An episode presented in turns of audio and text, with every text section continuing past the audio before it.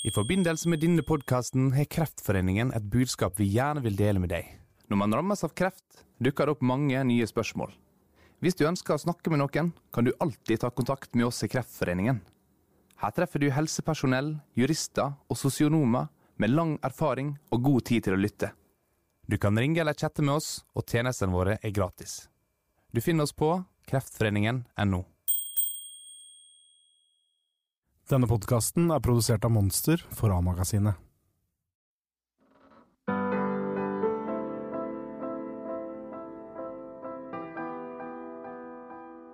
Helt siden Christine Koht ble lagt inn på sykehuset for et halvt år siden, har hun spurt legene rundt seg om hun kom til å leve fram til bursdagen sin den 19. mai. Nå er det juni, og Christine holder fremdeles døden på en armlengdes avstand. Jeg heter Joakim Førsund, og dette er femte del av Kot vil leve.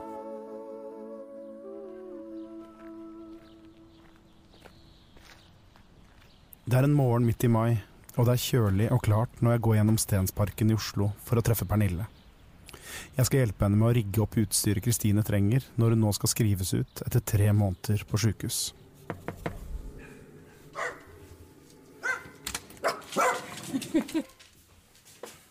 Pernille har allerede fylt et skap med medisiner, og midt på gulvet i den lille, fargerike leiligheten ligger esker og plastpakker med ledninger, stativer og elektroniske apparater. Ja, se her, ja. Men jeg skal faktisk lære meg denne, sa de. Det ble jeg litt nervøs av. For dette er den der pumpa som hun har på seg, som er smertestillende og sånn. Hvorfor kommer alle disse tingene inn i leiligheten her nå? Ja, Det er jo fordi at eh, nå skal Kristine ut av uh, Radiumhospitalet. Eh, og nå har hun jo nesten vært jeg tror det er tre måneder på sykehus. Eh, så en av de tingene vi henta, var et sånn juletre som heter sånn stativ hvor alle disse posene skal henge. Eh, og så må hun ha stol i dusjen, fordi det er kjempeanstrengende å ta en dusj. Så får hun en liten arbeidsstol, så hun kan sitte og liksom smøre litt mat og sånn med kjøkkenbenken. Uh, og så skal hun ha rullator, fordi hun, det er uh, utrolig slitsomt å gå. Og hun får hjemmesykepleie morgen og kveld. Uh, men jeg kjenner jo at jeg er litt nervøs for at nå har hun hatt hele Radiumhospitalet rundt seg i uker og måneder, og så er det meg. Tidligere i vår så var det jo mye snakk om denne 19. mai, bursdagen til Kristine. Er det fortsatt sånn at den skal feires? det er fortsatt sånn at den skal feires. Eh, det blir nok ganske mye mindre enn Kristine tenkte seg, fordi at det var litt sånn urealistisk. Eh, eller den gangen så så det kanskje helt realistisk ut. Nå er det eh, jeg og Kirsten og Jeanette, og så kanskje typ to venner. Altså det må være innmari få, fordi at Kristine blir jo utslitt av at det er tre mennesker i rommet, på en måte. Så bare det at hun liksom kan fremdeles ha som mål eh, bursdagsflagg og sånn. Det er jo helt storveis.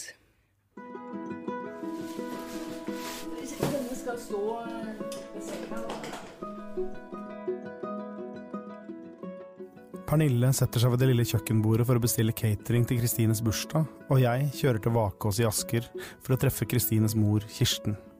Egentlig var det hun som skulle arrangere selskapet, som hun alltid har gjort, hun dekka bord i spisestua til og med, men Kristine orker ikke å feire sin 52. bursdag på samme måte som de foregående.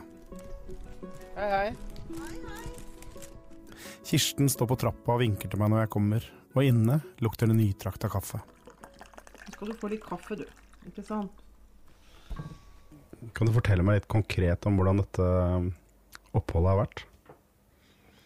Eh, altså Kristine har jo ligget på sykehus lenge, først på Tønsberg og så på Radiumhospitalet. Og det, har, det er jo leverbetennelsen som gjorde at hun ble lagt inn. Og så har det liksom ballet på seg med nye ting hele tiden. Så har hun fått liggesår, og så har hun fått sukkersyke, Så har hun fått sopp øh, i lungene.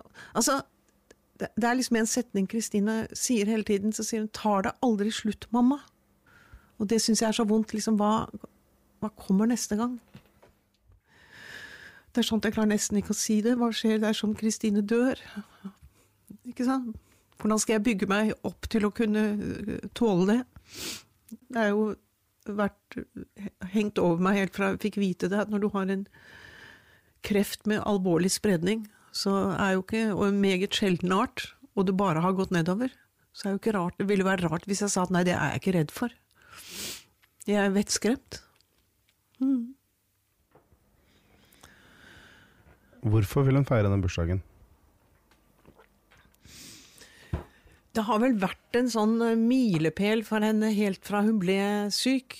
Og så ble det sånn Kommer jeg til å leve over bursdagen min? Den, setningen stilte hun veldig ofte til, til lege Anna. Og da sa Anna ja, jeg tror det. Jeg er nesten sikker på det. Eh, og da sa Kristine ja, da skal jeg feire i mammas hage. Og når, no, når noe har satt seg fast i hodet til Kristine, så sitter det liksom dønn fast. Så vi får ikke ut igjen. Det var meningen å ha den her, sånn ble det ikke. Så nå i år er det i den lille leiligheten deres. Og der kommer det veldig få. Nei, men vi ser deg i morgen. Absolutt. Jeg gleder meg veldig.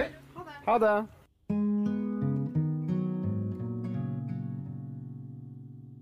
Morgenen etter står jeg og pakker inn en gave til Kristine. Et bilde som ble trykket i A-magasinet i vinter, der hun sitter og smiler i sofaen med Pernille og Kirsten i hver sin armkrok og de to hundene på fanget. Da tikker det inn en tekstmelding fra Pernille. Kristine har fått feber og smerter i brystet. Bursdagen er avlyst, Kristine må legges inn på sjukehuset igjen, og snart ringer mamma Kirsten, hun også. Hva, hva, hva skjer? Nei, nå, har de funnet, nå fikk jeg snakke med en infeksjonslege, og det er en eh, veldig alvorlig lungebetennelse. Så må da ny antibiotikakur og nytt Åh, gud, det er så mye, Joakim. Kommer noe hele tiden, og nå sa Kristine at nå har jeg det like vondt som jeg hadde det nede i Tønsberg. Nå vil jeg dø, mamma, sa hun i dag. Jeg orker ikke mer, mamma, sa hun. Jeg kommer, drar inn nå da med Pernille. Hun henter meg etterpå, så drar vi inn. Og så snakker vi med leger og Anna og alle som er. Nå, akkurat nå kjenner jeg at nå er det ikke noe lystig, Joakim. Åh, jeg syns det er så vondt. Det er så grusomt at Kristine har det så vondt. Mm. For hun har det så vondt nå. Men hva, hva, er- vi, hva er det dere ser for dere nå? Hvordan, hva er det som skal skje de neste ukene nå, da? Nei, jeg aner ikke. Jeg vet ikke.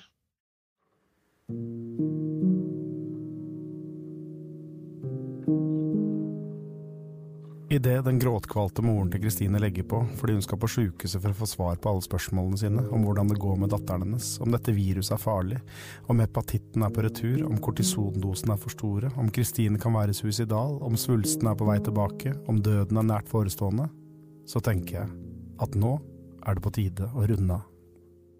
Jeg har fulgt Kristine og hennes nærmeste gjennom deres livs mest anstrengende halvår. Uten å reservere seg har de delt sine innerste tanker, også de aller mørkeste.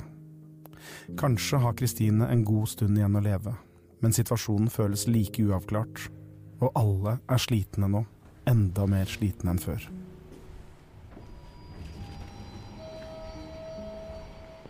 Dagen etter ringer jeg og avtaler et siste opptak på sjukehuset. Jeg parkerer i kjelleren, akkurat som jeg gjorde for et halvt år siden. Jeg hilser på pleierne i sjuende etasje, de smiler mildt som de alltid gjør, og sier at Kristine er våken, det er bare å gå rett inn.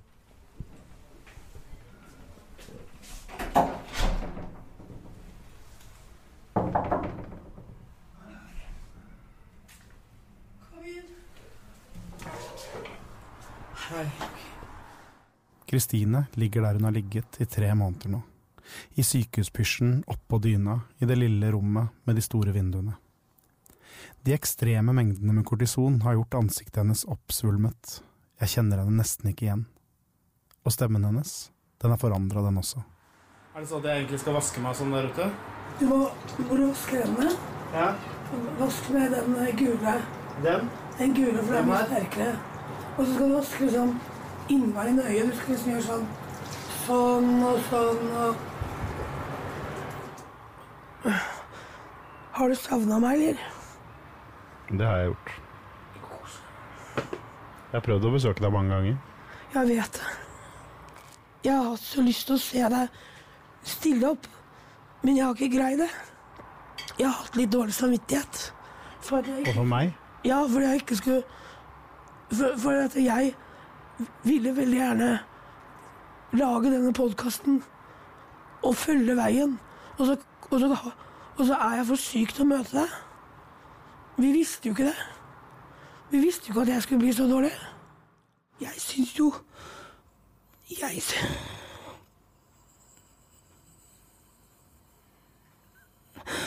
Jeg Jeg syns jo bare det går nedover.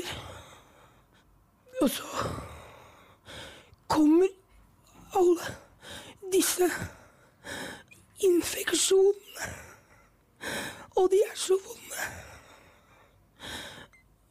Og jeg har så lyst å lage podkast. Men jeg kunne aldri trodd at jeg kunne bli så syk. Så jeg tenker veldig, veldig mye på døden. Og Og Og da Skal vi ta en pause? Nei da. Jeg bestemmer det.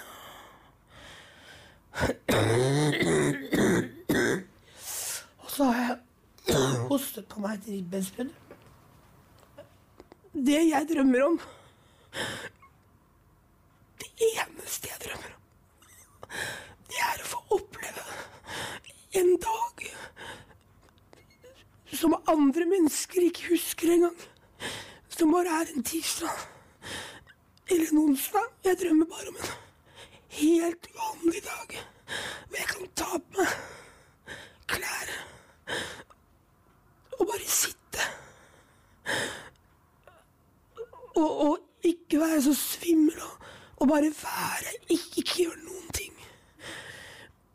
For det er så mange gleder i løpet av en dag som ingen husker. Det er mange, mange, mange ting. Ikke bare sånn fugler og sånn, men det er ta en kaffe og hente en te. Det er masse fint på en vanlig dag. Det er ikke det at jeg ler så mye, men for eksempel Det er vanskelig Jeg prøver å ikke se meg i speilet, men det er vanskelig å la være når du ser ut som Kim Jong. Og jeg ser har et måneansikt, og nå begynner de med bart. Fordi at du får bart og skjegg. Du, vi snakka Vi fikk aldri snakka om Altså, vi planla jo å snakke om det at, uh, at du er bipolar. Ja. Og så rakk vi aldri det før du blei ordentlig sjuk. Eh, men det at du er bipolar, hvordan har det prega disse månedene? Vet du hva? jeg, Jeg Jeg tror Jeg tror jeg har sagt det til deg før. Men jeg har en enorm livslyst. Jeg har så livslyst, og så lyst til å leve. Det er derfor jeg er så redd for døden. Jeg syns det er så gøy å leve. Og så har jeg hatt innmari mye angst i livet mitt, så jeg har jo øvd. Øvd på For jeg har hatt veldig mye angst der òg.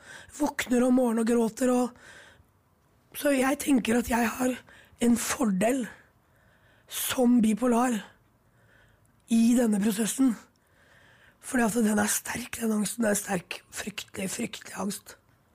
Men, mm, hvordan er det en fordel å være bipolar, da? Ja, da er det en fordel, da.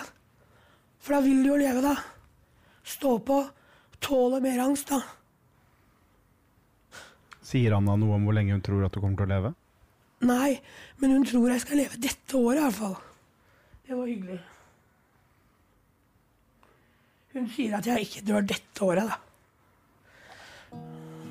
Det er noe, det, da. Ja, men jeg har lyst til å leve lenger. Jeg har utrolig lyst til å leve. Kristine spør hver eneste dag om hvor lenge hun har igjen, og de siste månedene har hun vært ekstra engstelig. For legene har ikke turt å gi henne kreftmedisiner på tre måneder, og ingen vet hva svulsten har foretatt seg mens Kristine er blitt behandla for andre sykdommer. Men nå kommer legen hennes, Anna Winge Main, med nye bilder. Hei! Når det gjelder behandlingen, skal vi si litt om den, Kristine? Ja. Når vi har tatt bilder av deg, så ser vi jo ikke noe tegn til sykdommen egentlig, bare det akkurat det vi kan se ved det blotte øyet inn i, i bakre svelg, ikke sant? Ja, så du ser noe bak her? Ja, jeg ser jo de to små som jeg nesten kaller sånn blodblemmer, nesten, ser det ut som. Ja, men skal ikke de opereres ut? Nettopp, og de skal opereres ut. Og hvis vi gjør det, så tenker vi at da, da eh, kan det hende at vi ikke ser noe mer sykdom igjen i det hele tatt. Og det er jo egentlig helt fantastisk, for det, Det hadde vi ikke trodd da vi startet, nesten. Eller nesten ikke turt å håpe på. Og nå har vi kommet så langt, Kristine. Nå skal vi jammen ikke gi oss. Leverbetennelsen har vi faktisk ganske så god kontroll på. Den, den er jeg veldig fornøyd med. Og lungebetennelsen, det er heldigvis noe som går over. Og når det gjelder kreftsykdommen din, som liksom er den tøffeste tingen her av de alle, så, så syns jo jeg at det ser Altså, jeg hadde nesten ikke turt å håpe at det skulle se så bra ut som det gjør i dag. Så alt i alt så må jeg jo si at nå er du kjempesliten og veldig slapp, og det kommer til å ta tid og mye hvile. Masse. Men Det tar tid, dette her. de, selvsagt gjør det det. Men så tenker jeg tid har vi heldigvis. Ja. Og så lenge kreftsykdommen er slått skikkelig, skikkelig ned, så tenker jeg det var det beste vi kunne ha håpet på. Men jeg har aldri vært så nær. Jeg har tenkt noen ganger ønsket å dø. Det, har jeg, det må jeg innrømme. At jeg har ønsket det. Jeg, jeg, tre ganger har jeg tenkt Kan jeg være så snill bare få sovne? Men jeg er ikke suicidal. Ikke nå. Det er jammen godt, Kristine. Ja, jeg har, jeg har kreftene. Men du vet hva, jeg skjønner at du har tenkt det. Du har vært gjennom så mange det. tøffe tak. Det er, altså jeg tror ikke folk kan forestille seg hvor tøft det har vært for deg. Så jeg er kjempeimponert over deg. Og vi er team, vi to. Ja, vi er det. Så jeg tenker på døden, og det gjør ikke du. Nei. Jeg tenker på livet. Ja, men jeg tenker på livet, ja. Ja, du gjør det. Kan du si noe om hva slags utsikter du tror Kristine har? Altså hvor mange år hun kan leve, f.eks.? Det vet vi jo aldri. Um, så det er det umulig å svare på, for dette er jo en sykdom som kan komme tilbake. Men nå tenker jeg nå skal vi først fokusere på å operere bort det som kan opereres bort, som sitter igjen, og det ser ut som det er ganske så lite. Og så blir det jo å følge med på kontroller, og da pleier vi å ta bilder sånn hver tredje måned. Og undersøke i munnen og, og, og se på bilder. Og så er det jo sånn at heldigvis har vi fått så mange nye gode medisiner, bl.a. de som du allerede har fått. Og da er det jo sånn at dette kan du leve med i, i flere år. Ikke sant? Kanskje litt kortere enn andre. Kanskje, kanskje litt kortere enn andre. Absolutt. Du har jo noe som ikke Joakim og jeg har. ikke sant? Du har en dødsdom på en måte hengende litt over deg. For det er jo det en sånn kreft med spredning fra melanom ofte er. Men samtidig så er det jo sånn at vi har ikke hatt immunterapimedisinene så lenge i verden heller. Vi vet ikke om de er i stand til å kurere noen. Det kan godt hende at de er det.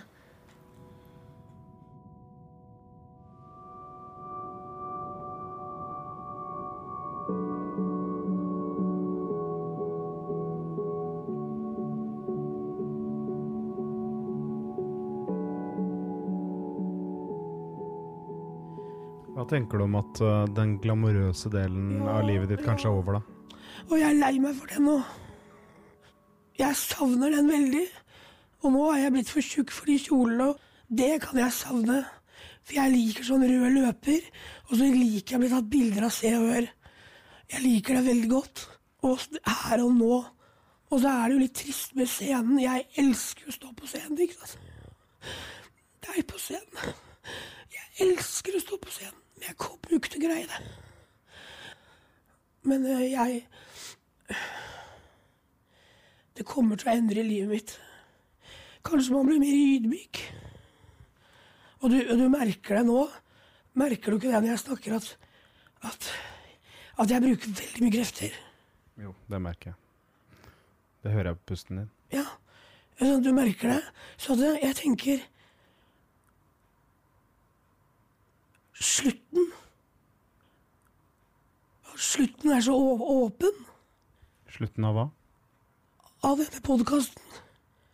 Jeg Jeg er både Slutten er at jeg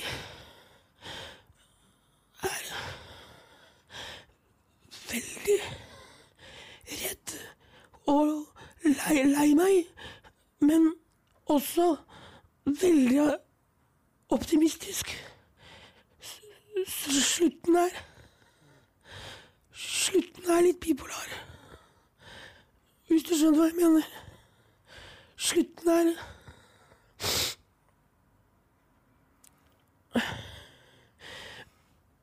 Slutten er Det er ikke noe slutt.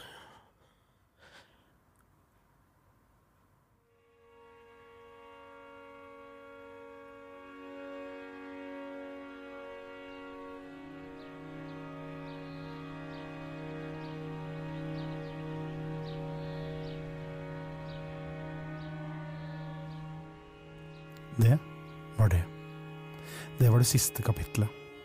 Neste uke, eller kanskje uka etter der, skal kirurger operere vekk to små klumper i Kristines hals. To rester av svulstene som for noen måneder siden blokkerte hele svelget hennes. Og så skal hun, etter planen, en plan som stadig endres, det vet vi jo, men etter planen skal hun skrives ut. Deretter skal hun komme tilbake til regelmessige kontroller for å sjekke hvordan det står til med sykdommen som brakte henne til rom 711 på Radiumhospitalet. Kanskje kan Kristine leve lenge, men tilbake hit må hun uansett. For Kristine har kreft med spredning, og den diagnosen, den dommen, den kan ikke oppheves.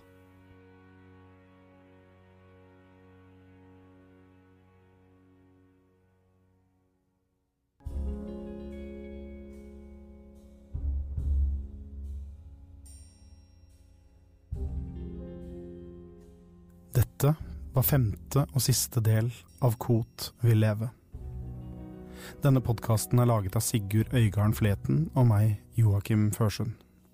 All musikk er ved Sufjan Stevens. Serien er produsert av Monster for A-magasinet. Redaktør er Lillian Vambeim.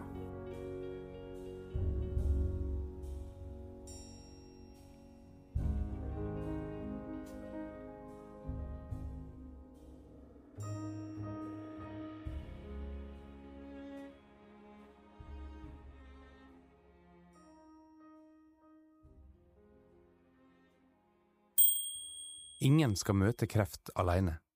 Derfor har Kreftforeninga sammen med de store sykehusene etablert sju Vardesenter på ulike plasser i landet. Her treffer du andre som har eller har opplevd kreft, enten som pasient eller som pårørende.